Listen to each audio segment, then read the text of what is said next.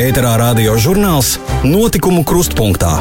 Ieklausīsimies ekspertu viedokļos par sabiedrībā būtiskiem jautājumiem, analizēsim mediju saturu, veicināsim kritisko domāšanu un spējas reaģēt uz safabricēto un manipulatīvo informāciju. Studijā Tenis Bikovskis. Sveicināti cienījamie radioklausītāji! Šīs dienas raidījumu, kā ierasts, sāksim ar starptautisko notikumu apskatu. Pārlaposim vietējos preses izdevumus un ieskatīsimies interneta portālos. Kādas funkcijas veids Latvijas raidorganizāciju asociācija? Vai tagad, kad kultūras ministrija ir izveidojusi mediju fondu, var teikt, ka nacionālā satura veidošanai atbalsts komerciālajiem medijiem ir pietiekams? Uz šiem un citiem jautājumiem atbildēs raidorganizāciju asociācijas izpilddirektors Andris Kēniņš. Bet melu dekonstrukcijas sadaļā analizēsim viltus ziņas par bēgļu uzņemšanu un Latvijas darba tirgus tendencēm. Taču vispirms par būtiskāko, kas noticis mūsu kaimiņu valstīs, mediju, cilvēktiesību un citās jomās. Vārds manai kolēģei Laurai Sondorei Strodei. Startautisko notikumu apskats - aktuālā attīstība mūsu kaimiņu valstīs. Radiostacija Deutsche Welle informē, ka 3. septembrī Ukrainā sākas kopīgas militārās mācības ar ASV un citām NATO valstīm. Ikgadējās militārās mācības norisināsies Ļuvovas apgabala ciematā Stariči un noslēgsies 15. septembrī. Kā militāro mācību atklāšanas ceremonijā atzīmē ASV vēstniece Ukrainā Merija Jovanoviča, mācību dalībnieki, iestājoties par drošību, suverenitāti un teritoriālo vienotību, ir solidāri ar Ukrainu. Igaunijas Harju apriņķa tiesa noteikusi drošības līdzekli apcietinājumu diviem aizdomās turamajiem par spiegošanu Krievijas labā. Trešdien paziņojusi Igaunijas ģenerāla prokuratūra. Aizdomās turamie ir 1980. gadā dzimušais Denis Metsavas, kurš līdz šim dienējis Igaunijas aizsardzības spēkos, un viņa 53. gadā dzimušais tēvs Piotrs Voļins. Abi ir Igaunijas pilsoņi, kas pilsonību ieguvuši 90. gados. Nodarīts būtisks kaitējums gan Igaunijai, gan sabiedrotajiem, un par notikušo spiegošanu informēta NATO. Divi vīrieši, kuri apsūdzēti bijušā Krievu dubultaģenta Sergeja Skripaļa saindēšanā, ir Krievijas militārā izlūkdienesta darbinieki, un viņi darbojušies saskaņā ar Krievijas valdības rīkojumu. Šonedēļ paziņoja Lielbritānijas premjerministra Terēza Meija. Kā ziņots, Lielbritānijas prokuratūra izvirzījusi apsūdzības diviem Krievijas pilsoņiem par Skripaļa un viņa meitas Jūlijas saindēšanu ar nervus paralizējošo vielu Novičoku. Aģentūra RBK ziņo, ka no 52,200 deputātu kandidātiem Krievijas reģionos gandrīz 1200 reģistrējoties uzrādījuši sodāmības, tā neskaitā dzēstas. Šādus datus RBK apkopojas balstoties uz publiski pieejamo valsts automatizētās sistēmas vēlēšanu reģistru.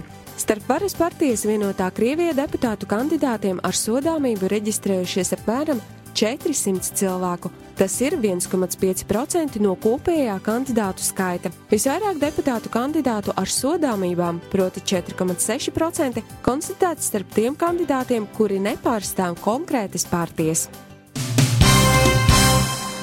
Vairāk kā puse aptaujāto Krievijā uzskata, ka masu informācijas līdzekļi neobjektīvi atspoguļo ekonomisko situāciju valstī.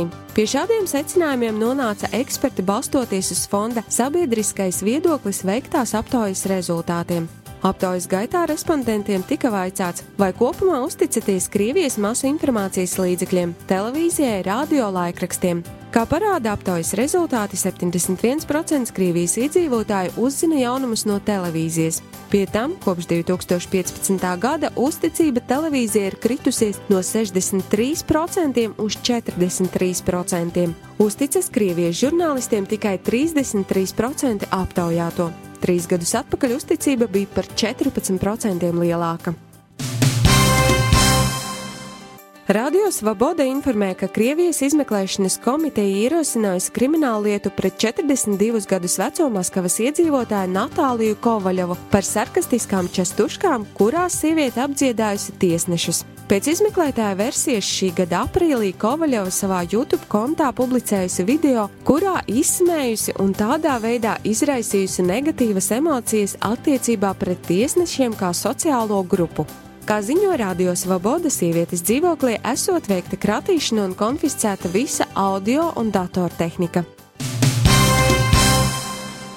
Apgalvojumi, ka padomju okupācijas laikā Lietuva no Padomju Savienības budžeta it kā saņēmusi vairāk nekā tajā iemaksājusi, nav pamatoti. Apkopotie dati par finanšu plūsmām okupācijas pirmajā desmitgadē ļauj secināt, ka jau tolaik Lietuva faktiski bijusi PSRS donora, nevis otrādi. Raksta avīze Lietuvas ziņas. Savukārt Polija nosaukusi nacistu nodarītā kaitējuma apmēru Saskaņā ar parlamentārās komisijas aplēsēm, Polija nacistiskās Vācijas okupācijas rezultātā Otrā pasaules kara laikā zaudējusi vairāk nekā 5 miljonus cilvēku, bet materiālais kaitējums varētu pārsniegt 46 miljardus eiro.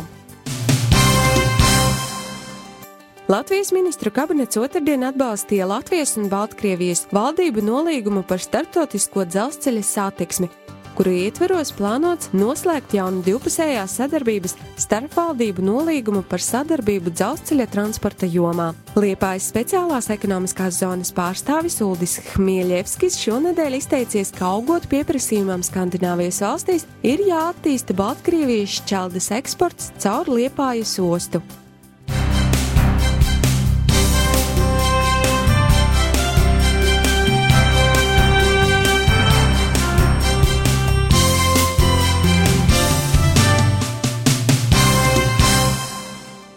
Tik tālu par notikumiem, kas skar mūsu kaimiņu valstis, bet raidījuma turpinājumā ieskatīsimies pašmāju preses izdevumos un internetu vietnēs. Latvijas preses apskats. Ko lasām, par ko diskutējam? Laikraksts Brīvā Daugava lasītājus informēja, ka 21. septembrī Salas novada kultūras namā notiks 9. sēlijas kongress. Tā galvenā tēma ir Nacionāla attīstības plāna devums sēlijas novada attīstībai. Kongresā uzstāsies pārresoru koordinācijas centra vadītāja vietnieks Vladislavs Vesperis, bijušais Latvijas pašvaldību savienības priekšsēdētājs Andris Jaunslēnis un daudzi citi. Ar starpziņojumiem uzstāsies Sēlijas novadu domju vadība un darbinieki. Sēlijas kongresa gala rezultātā taps rezolūcija, kas apkopotā veidā paudīs kongresa izskatītos problēmu jautājumus un ievirzes, kā tos risināt. Brīvās Daugavas slēgās šonadēļ arī tiek apskatītas vairākas citas būtiskas tēmas. Vai Latvijā būs Ziemeļvalstu tipa labklājība? Varam lasīt politisko partiju atbildes uz redakcijas jautājumiem un prognozes par Latvijas ekonomisko attīstību turpmāk. Arī laikraksts Latvijas laiks lasītājus informē par partiju solījumiem Latvijas iedzīvotājiem. Varam uzzināt, cik lielā mērā Latvijas problēmu jautājumi atainojas katra politiskā spēka programmās. Informēts tiek arī par Krāslavas novada pašvaldības attīstības programmu. Aptaujā krāslavieši uzsvēruši, ka novadā ir nepieciešama trase skrituļslidotājiem, velosipēdistiem un rollerslēpotājiem un dienas centrs senioriem. Tāpat viņi priecātos, ja tiktu izveidota dzīvnieku patversme. Internet portāls Jēkabpils laiks raksta, ka aizkrauklē pagājušā svētdienā valsts policijas pretterorisma vienība Omega aizturējusi bīstamus noziedzniekus, bet plašāka informācija netiek atklāta. Aizturēšana notikusi pamatojoties uz galvenās krimināla policijas pārbaudes veikto izmeklēšanu. Latvijas kultūras portāls Lakuga.CLV informē, ka 15. septembrī Viļakas novada upītē 17. reizi notiks latviešu mūzikas un dzejas festivāls Upītes Obeļdors. Tajā uzstāsies Dabas Durovas, Latvijas reps, Rikši, Gincunes, Piparmētra, Vincents Kūkojas un aktrise Zane Jančevska bet literāri klausītājus priecēs Mārītes Lišāne, Ineta Atpile Jugane, Līvija Liebdurviete, Riebiņu novada radošā grupa Mūka Ķēkis un daudzi citi. Savukārt Latvijas plānošanas reģiona portālā lasām, ka Latvijas centrālās bibliotekas projekta Dialogs rakstnieki Daugopilī ietvaros no šī gada septembra līdz decembrim Daugopils bibliotekās notiks vairākas lasītāju tikšanās ar latviešu rakstniekiem - Andri Akmentiņu, Gunti Bereli, Arno Junzi, Paulu Vankovski un Māru Zālīti. Tik tālu ieskats vietējo portālu un preses izdevumu slēdzās. Ēterā radio žurnāls Notikumu krustpunktā.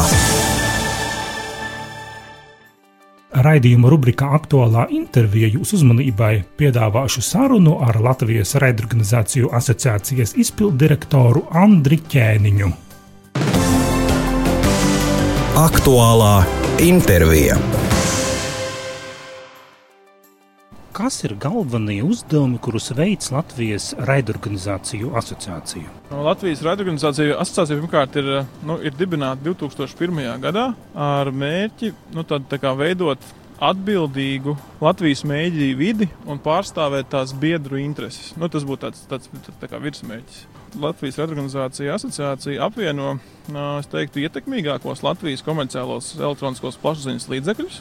Un neskatoties uz to, ka tie elektroniskie plašsaziņas līdzekļi ir komersanti un dažkārt savā starpā arī kom, kā, nu, konkurē, šīs asociācijas darbības pamatā tos, ir, ir to biedru atbildība pret Latvijas sabiedrību un nu, mediju vidi kopumā, kā arī to vienojošās, teiksim, nu, kā es teiktu, nosaukt vērtības, kas būtu vārda brīvība, viedokļu daudzveidība, tiesiskums, godīga konkurence un citas demokrātiskai sabiedrībai, kā, nu, citas demokrātiskas sabiedrības pamatvērtības. Ko mēs darām? Asociācija, kā lai saka, līdzdarbojas visos ar Latvijas mēdīju vidi un tās politiku saistītajos procesos piedaloties diskusijās ar valsts pārvaldes iestādēm, nevalstiskajām organizācijām un no, nu, citiem sadarbības partneriem.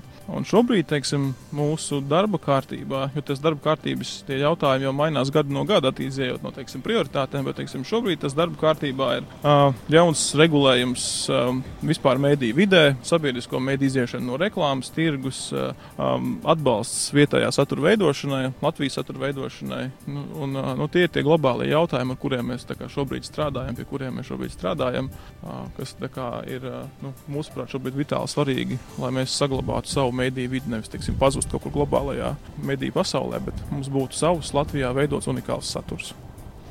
Jūs minējāt, ka jūsu Latvijas raidorganizāciju asociācija ir šie biedri. Kas tad ir Latvijas raidorganizāciju asociācijas biedri un kā jūs ikdienā pārstāvat viņu intereses? Nu, biedri mums ir, tā teikt, sāksim no televīzijas gala. No televīzijas gala mums ir Latvijas reģionālā televīzija, ir mūsu biedrs, mūsu biedrs TV3, LNT, Vidzemes televīzija, pirmais Baltijas kanāls, un tad no radio ir radio skonto, radio SVH, radio Star FM, Top radio, Baltkom radio un Miks radio. Tā kā tas diezgan uh, liels, uh, nevis diezgan, bet faktiski lielākās mediju grupas Latvijā.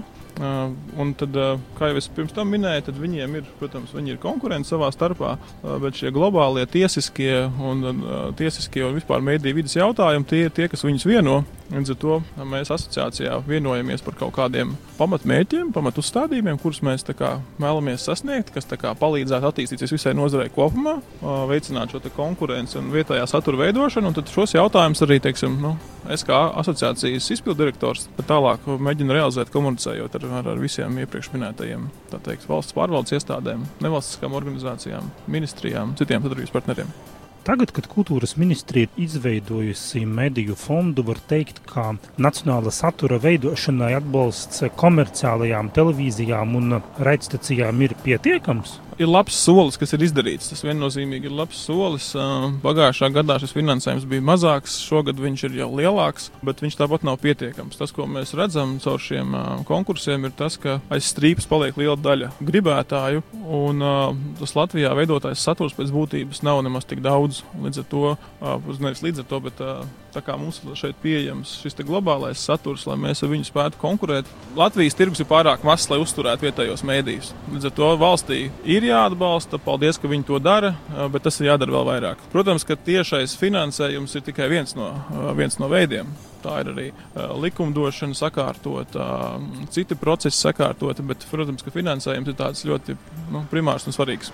Bet uh, cik tad šīs naudas būtu vajadzīgas, ir tīpaši ņem vērā, ka radiostacijas ir pret, piemēram, latviešu mūzikas kvotu ieviešanu? Mūzikas kvotas, es teiktu, tas vispār ir cits jautājums, kur mēs varam apskatīt pilnīgi no cita aspekta. Tas ir vairāk ir stāsts par atbalstu latviešu mūziķiem, bet uh, nosaukt kaut kādu konkrētu ciparu šobrīd nevar. Bet, uh, nu, tas, kā lai saka, Latvijas reklāmas tirgus neģenerē šobrīd tie, tik daudz līdzekļu, lai šīs visas, visi mēdī, kas Latvijā šobrīd ir, spētu tā kā um, normāli dzīvot, attīstīties un veidot kvalitīvu saturu un palielināt apjomu. Un galvenā problēma, kas ir šobrīd uh, līdz šim identificēta, ne galvenā, bet viena no nozīmīgākajām problēmām ir šī sabiedrisko mēdīju atrašanās reklāmas tirgu. Un, uh, attiecīgi, viņu, viņu, viņu ietekme uz šo tirgu un, un, un satura veidošanu kā tādu tas, ko mēs šobrīd, nu, tā, protams, saku, cipari nekādi nav kalkulēti un ir grūti pateikt, bet tādā brīdī, kad uh, sabiedriskie mēdī izies no reklāmas tirgus un, uh, un tas tirgus saregulēsies, viņš viņu pārregulēsies, tad iespējams, ka ar esošo atbalstu jau būs diezgan gana. Teikt, iziešana no reklāmas tirgus būs esošais atbalsts, viņš varbūt varētu būt nu, kaut kā, bet tas arī šobrīd ir ļoti, uh, kā lai saka, netaustām, jo mēs nezinām to reālo ietekmi kā, grūti pateikt tos precīzos ciparus, bet katrā ziņā tas, ka esošais atbalsts ir krietni par mazu, to mēs redzam tikai caur to, ka pieteikušos projektu skaits summāri laikam gan arī trīsreiz pārsniedz pro projektā esošo finansējumu. Nu. Bet runājot par šo latviešu mūzikas kvotu ieviešanu, jūsuprāt, ja valsts maksātu radiostacijās vairāk spēlētu pašmāju mūziku, redziet, nu, tas ir tāds, kā lai saka, cilvēki klausās to, ko viņi grib klausīties. Un, nu, tu nevari, nu, tā kā tajā brīdī, kad bija analogais radio, ka tas bija vienīgais veids, kā kaut kādu informāciju saņemt, nu, tad cilvēks klausījās to, ko viņam piedāvāja. Šobrīd cilvēki nu, klausās to, ko viņi vēlas dzirdēt. Līdz ar to tās stacijas, kuras auditorija prasa šo latviešu mūziku, tās to spēlē. Tās to spēlē patiesībā pat lielākā apjomā nekā šobrīd tā kvota tiek prasīta vai tika prasīta. Savukārt tās stacijas, kurām šis klausītājs ne, neprasa šo latviešu mūziku, kas grib klausīties kaut kādu citu, nezinu, tur roka mūziku vai šlāgeru mūziku, bet ne latviešu šlāgeru mūziku. Tur ir, ir nezinu, vācu šlāgers, ir krievu šlāgers, ir visādi citi. Nu, es kā piemērs to šobrīd vienkārši saucu. Tie klausās to mūziku, ko viņi vēlās, un tur vienkārši latviešu mūzikai pēc būtības tādās radiostacijās nav vieta. Bet uh, tas, ko var valsts darīt, uh, noteikti ir uh, atbalstīt varbūt kaut kādu speciālu raidījumu veidošanu nu, nevis tā kā dot naudu, lai spēlētu mūziku, bet uh, varbūt uh, arī caur šo pašu mēdīju fondu. Šogad, nezinu, teiksim, prioritātēs ir mēdīja pratība, vai tur uh, simtgades jautājumi, vai tur dziesmu svētki, vēl kaut kādas lietas. Tad, teiksim, nākošais gads, piemēram, varētu viens no jautājumiem būt uh, kaut kāda speciāla raidījuma latviešu mūziķiem, kas kā, veidotu, nezinu, var veidot platformu līdzīgi, piemēram, kā to dara Radio SVH ar savu radio priekšnumu, piemēram, ja? uh, kad ir kaut kādas um, speciāla raidījumi, kuros tu vari iepazīties ar jaunajiem mūziķiem un attiecīgi attiecīgi tos arī dzirdēt un, un tam līdzīgi. Teiksim, vairot viņu to popularitāti. Bet, ja kurā gadījumā jāsaprot, ka komercradio stacijas strādā pēc principa, ko klausītājs prasa, to mēs spēlējam. Un tas, kas arī ir, kas, ir vēl būtiski saprast, ka tas, tas, tas, ko klausītājs grib, tas nav tā, ka tur, nezinu, sēž radio direktors un izdomāt, tagad, uh, ko mēs spēlēsim. Šīs mūzikas, tā saucamās playlists, viņas tiek gatavotas diezgan profesionāli, veicot um, sav, savas auditorijas izpēti, algojot gan uh, kaut kādas pētnieciskās kompānijas, gan veicot visādas citas, citādās metodoloģijās, pētot un skatoties to, ko cilvēki grib dzirdēt. Vairākus gadus asociācija iestājas par sabiedrisko mediju Latvijas televīzijas un Latvijas radio iziešanu no šī reklāmas tirgus. Ledus ir sakustējies, bet vai tiešām abi sabiedriskie mediji jāuztur tikai par nodokļu maksātāju naudu? Eiropā ir valstis, kur tomēr sabiedriskie mediji ar ierobežojumiem var piedalīties reklāmas tirgu, piemēram, Vācijā. Nu, mēs Latvijas mēdīju tirgus nav salīdzināms ar Vācijas, tur, vai, vai Zviedrijas vai Anglijas reklām, nu, reklāmas tirgu vai mēdīju tirgu kopumā. Mēs esam ļoti maza valsts ar maz iedzīvotājiem, maz unikālajiem skatītājiem. Un, uh, un tas arī reklāmas, tas pierādziņš, kas mums Latvijā šeit ir, vai tā nauda, kas ir Latvijas reklāmas tirgu, viņi nav pietiekami, lai mēs varētu saražot pietiekoši daudz uh, oriģinālu satura. Līdz ar to, ja vēl sabiedriskie mēdīji, kas saņem finansējumu no valsts, piedalās šajā reklāmas tirgu, nu, tad mēs uh, nevaram teikt, cerēt uz, uz, uz, uz, uz tādu nu, normālu komercmediju vidas attīstību Latvijā. Mēs vienkārši to tas, tas, ir, nu, tas vienkārši nav iespējams. Vēl runājot par raidījuma asociāciju, iespējams, klausītājiem um, ir iespiedies atmiņā, ka raidījuma asociācija vairāku gadu garumā apšauba, ka valstī būtu jāizveido un jāuztur vēl viena Latvijas radioprogramma, piemēram, ja runa par Latvijas radio 5. Vai kaut kas ir mainījies šobrīd? Uh, nu, mums nav tādas, mums vairāk bija principiāls um, jautājums par to, kas ir šis radio 5. Uh, Tanī brīdī, kad Latvijas radio 5 tika veidots, viņš tika veidots ar mērķi, viņam arī finansējums tika piešķirts ka tā būs jauniešu stacija, kas uzrunās jauniešus vecumā ap, aptuveni 15, 25 gadi, kas nav tā kā pamata auditorija vispār radio, un tā būs tā pamatmērķa auditorija. Tas, ko mēs uzreiz ieraudzījām, kad šī stacija sāk darboties, kad viņas mērķa auditorija bija tomēr cita, un viņas mērķa auditorija pārklājās ar to mērķa auditoriju, ko sasniedz komercradiostacijas. Un līdz ar to tas mērķis netika, netika teikt, sasniegts. Līdz ar to arī izveidojās tāda pretreakcija pret šo staciju kā tādu. Bija runa, tad, nu, kā tā var, kā tā var teiksim, prasīt naudu vienam, bet reāli tērēt viņu kaut kam citam. Jo tas, kas neatkarīgi no tā, vai sabiedriskie mēdīji piedalās vai nepiedalās reklāmas tirgu, nu, viņiem ir jābūt atbildīgiem arī pret, nu, teikt, pret kopējo mēdīju vidi, ne tikai pret sevi kā pret mēdīju, bet pret mēdīju vidi kopumā. Un to nosaka arī teiksim, tie paši Eiropas Eiropas regulas par sabiedrisko mediju darbības principiem. Un tur viens no punktiem nosaka to, ka, uh, ja sabiedriskais mēdījis uh, vēlas uzsākt kaut kādu jaunu darbību, kaut kādu jaunu nu, virzienu vai kaut kā attīstīt kaut kādus jaunus produktus, ir jāveic tirgus izpēte, vai šāds produkts tirgu ir nepieciešams, vai tas neietekmēs uh, kopējo mediju tirgu un, un, un nesagraus to un tam līdzīgi. Šī gadījumā nekas tāds netika veikts. No padomus uh, puses netika veikta šāda analīze. Un, un vēl jau vairāk mērķis bija viens, un rezultāts bija pilnīgi kaut kas cits. Tāpēc arī visa komercmediju vide uh, bija ļoti sas, sašutusi par to, kā tas viss tur veidojās un attīstījās.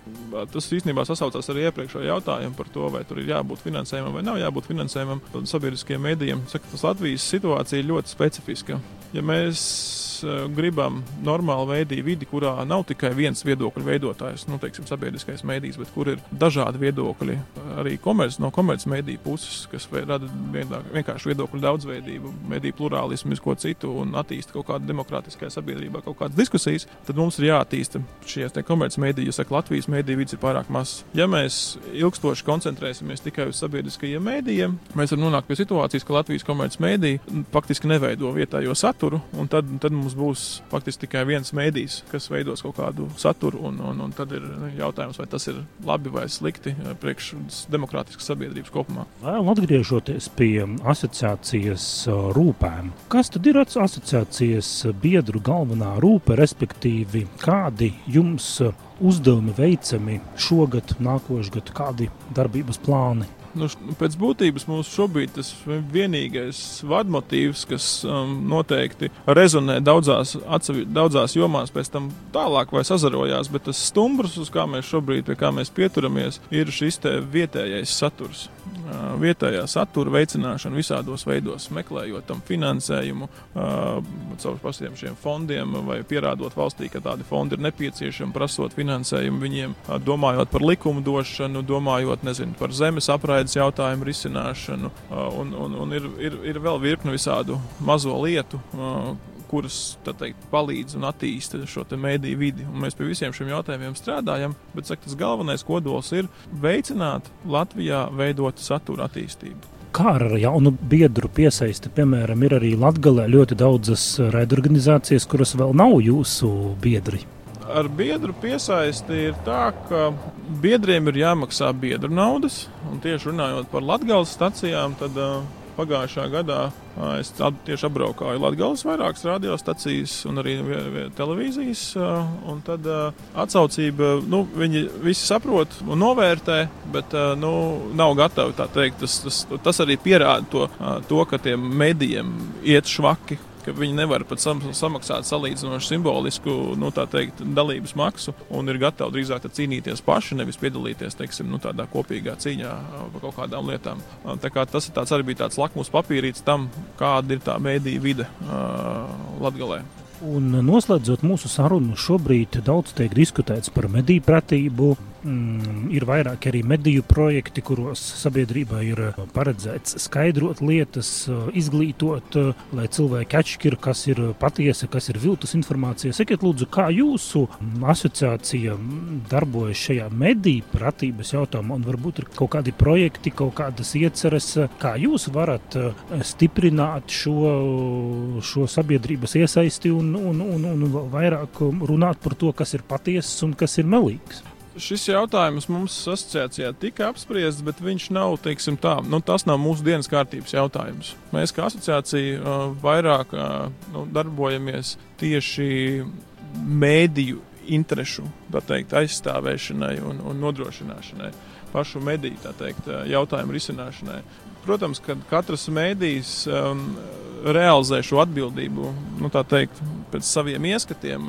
Arī šobrīd, startējot šajos mediju fonda, mediju fonda projektos, gandrīz katrs no mūsu medijiem ir iestartējis ar mediju pratības projektiem, un um, mēs esam atbildīgi pret sabiedrību. Bet tieši asociācija, um, tas nav asociācijas uzdevums. Asociācijas uzdevums ir uh, radīt apstākļus vai, vai veicināt uh, to vidi, lai mēdīji varētu nodarboties ar šiem mēdīju pratības jautājumiem, bet mēs kā asociācija pati tieši šobrīd ar to nenodarbojamies. Tā bija saruna ar raidorganizāciju asociācijas izpilddirektoru Andriu Ķēniņu. Ēterā radio žurnāls Notikumu krustpunktā. Bet raidījuma turpinājumā par to, kā vecu vīru par imigrantiem pasniedz kā svaigu atkal dodu vārdu manai kolēģei Laurai Sondarei Strodei. Melu dekonstrukcija. Viltus ziņas tiek konstruētas gan izmantojot pārspīlējumus un sagrozot faktus, gan arī novecojušu informāciju pasniedzot kā aktuālu. Tā noticis ar vēstījumu viltus ziņu portālos par to, ka sakarā ar sarūkošo iedzīvotāju skaitu tiekot lemts par vismaz pusmiljona imigrantu ieviešanu. Šī maldinošā ziņa ir balstīta it kā uz kādreizējās iekšlietu ministrijas valsts sekretāres Ilzas Petersonas Godmanes teikto: viņa valsts pārvaldē vairs nestrādā. Viltus ziņā Petersona Godmane it kā stāsta, ka likvidētā Skrundes arodvidusskola varētu būt viena no vietām, kur iespējams izmitināt patvēruma meklētājus, jo tur varētu uzturēties divi tik vairāk bēgļu nekā muciniekos. Latvijai divu gadu laikā it kā būs jāuzņem ap 500 tūkstošiem patvēruma meklētāju no Eiropas dienvidu valstīm. Kā raksta LV portāls.lv, 2015. gadā Eiropas Savienības pārvietošanas programmā tika noteikts, ka Latvijai ir jāuzņem 531 cilvēks. Šobrīd patvēruma meklētāju izmitināšanas centrā mucinieki uzturas 65 patvēruma meklētāji. Tostarp patiesībai neatbilst izplatītais apgalvojums, ka līdz 2022. gadam darba tirgum Latvijā papildus vajadzēs vairāk nekā 300 tūkstoši strādnieku. Pēc ekonomikas ministrijas prognozēm pieprasījums pēc darba spēka augs lēnu. Līdz 2025. gadam nodarbināto skaits varētu palielināties tikai nedaudz vairāk par 11 tūkstošiem ko pamatā veidos četras nozares - komerc pakalpojumi, būvniecība, tirzniecība un apstrādes rūpniecība. Savukārt pēc 2025. gada ņemot vērā dažādu darbu automatizāciju, pieprasījums vienkāršajās profesijās varētu samazināties par aptuveni 40 tūkstošiem darba vietu.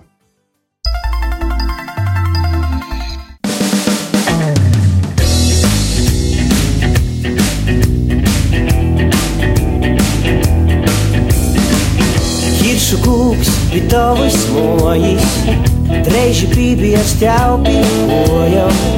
Kiršu kūks bija tavas mojas, mones sirds apzinis mūs. Laikam pīzanoks tev āstjūs vīnai, pajimt vīnu, sasaldēt zīmai. Kiršu kūks bija tavas mojas, mones sirds apzinis mūs. Kas tev šodien protā? Es laikam nojaušu, diemžēl. Varbūt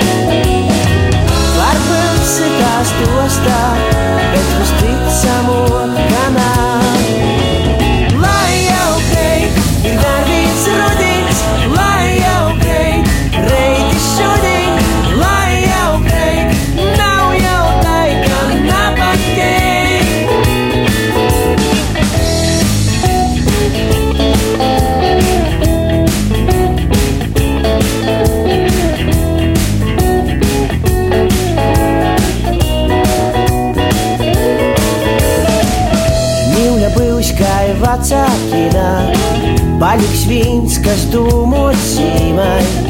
Kiršu kūks ir tavas mojas, munis sirds apzinis spūks.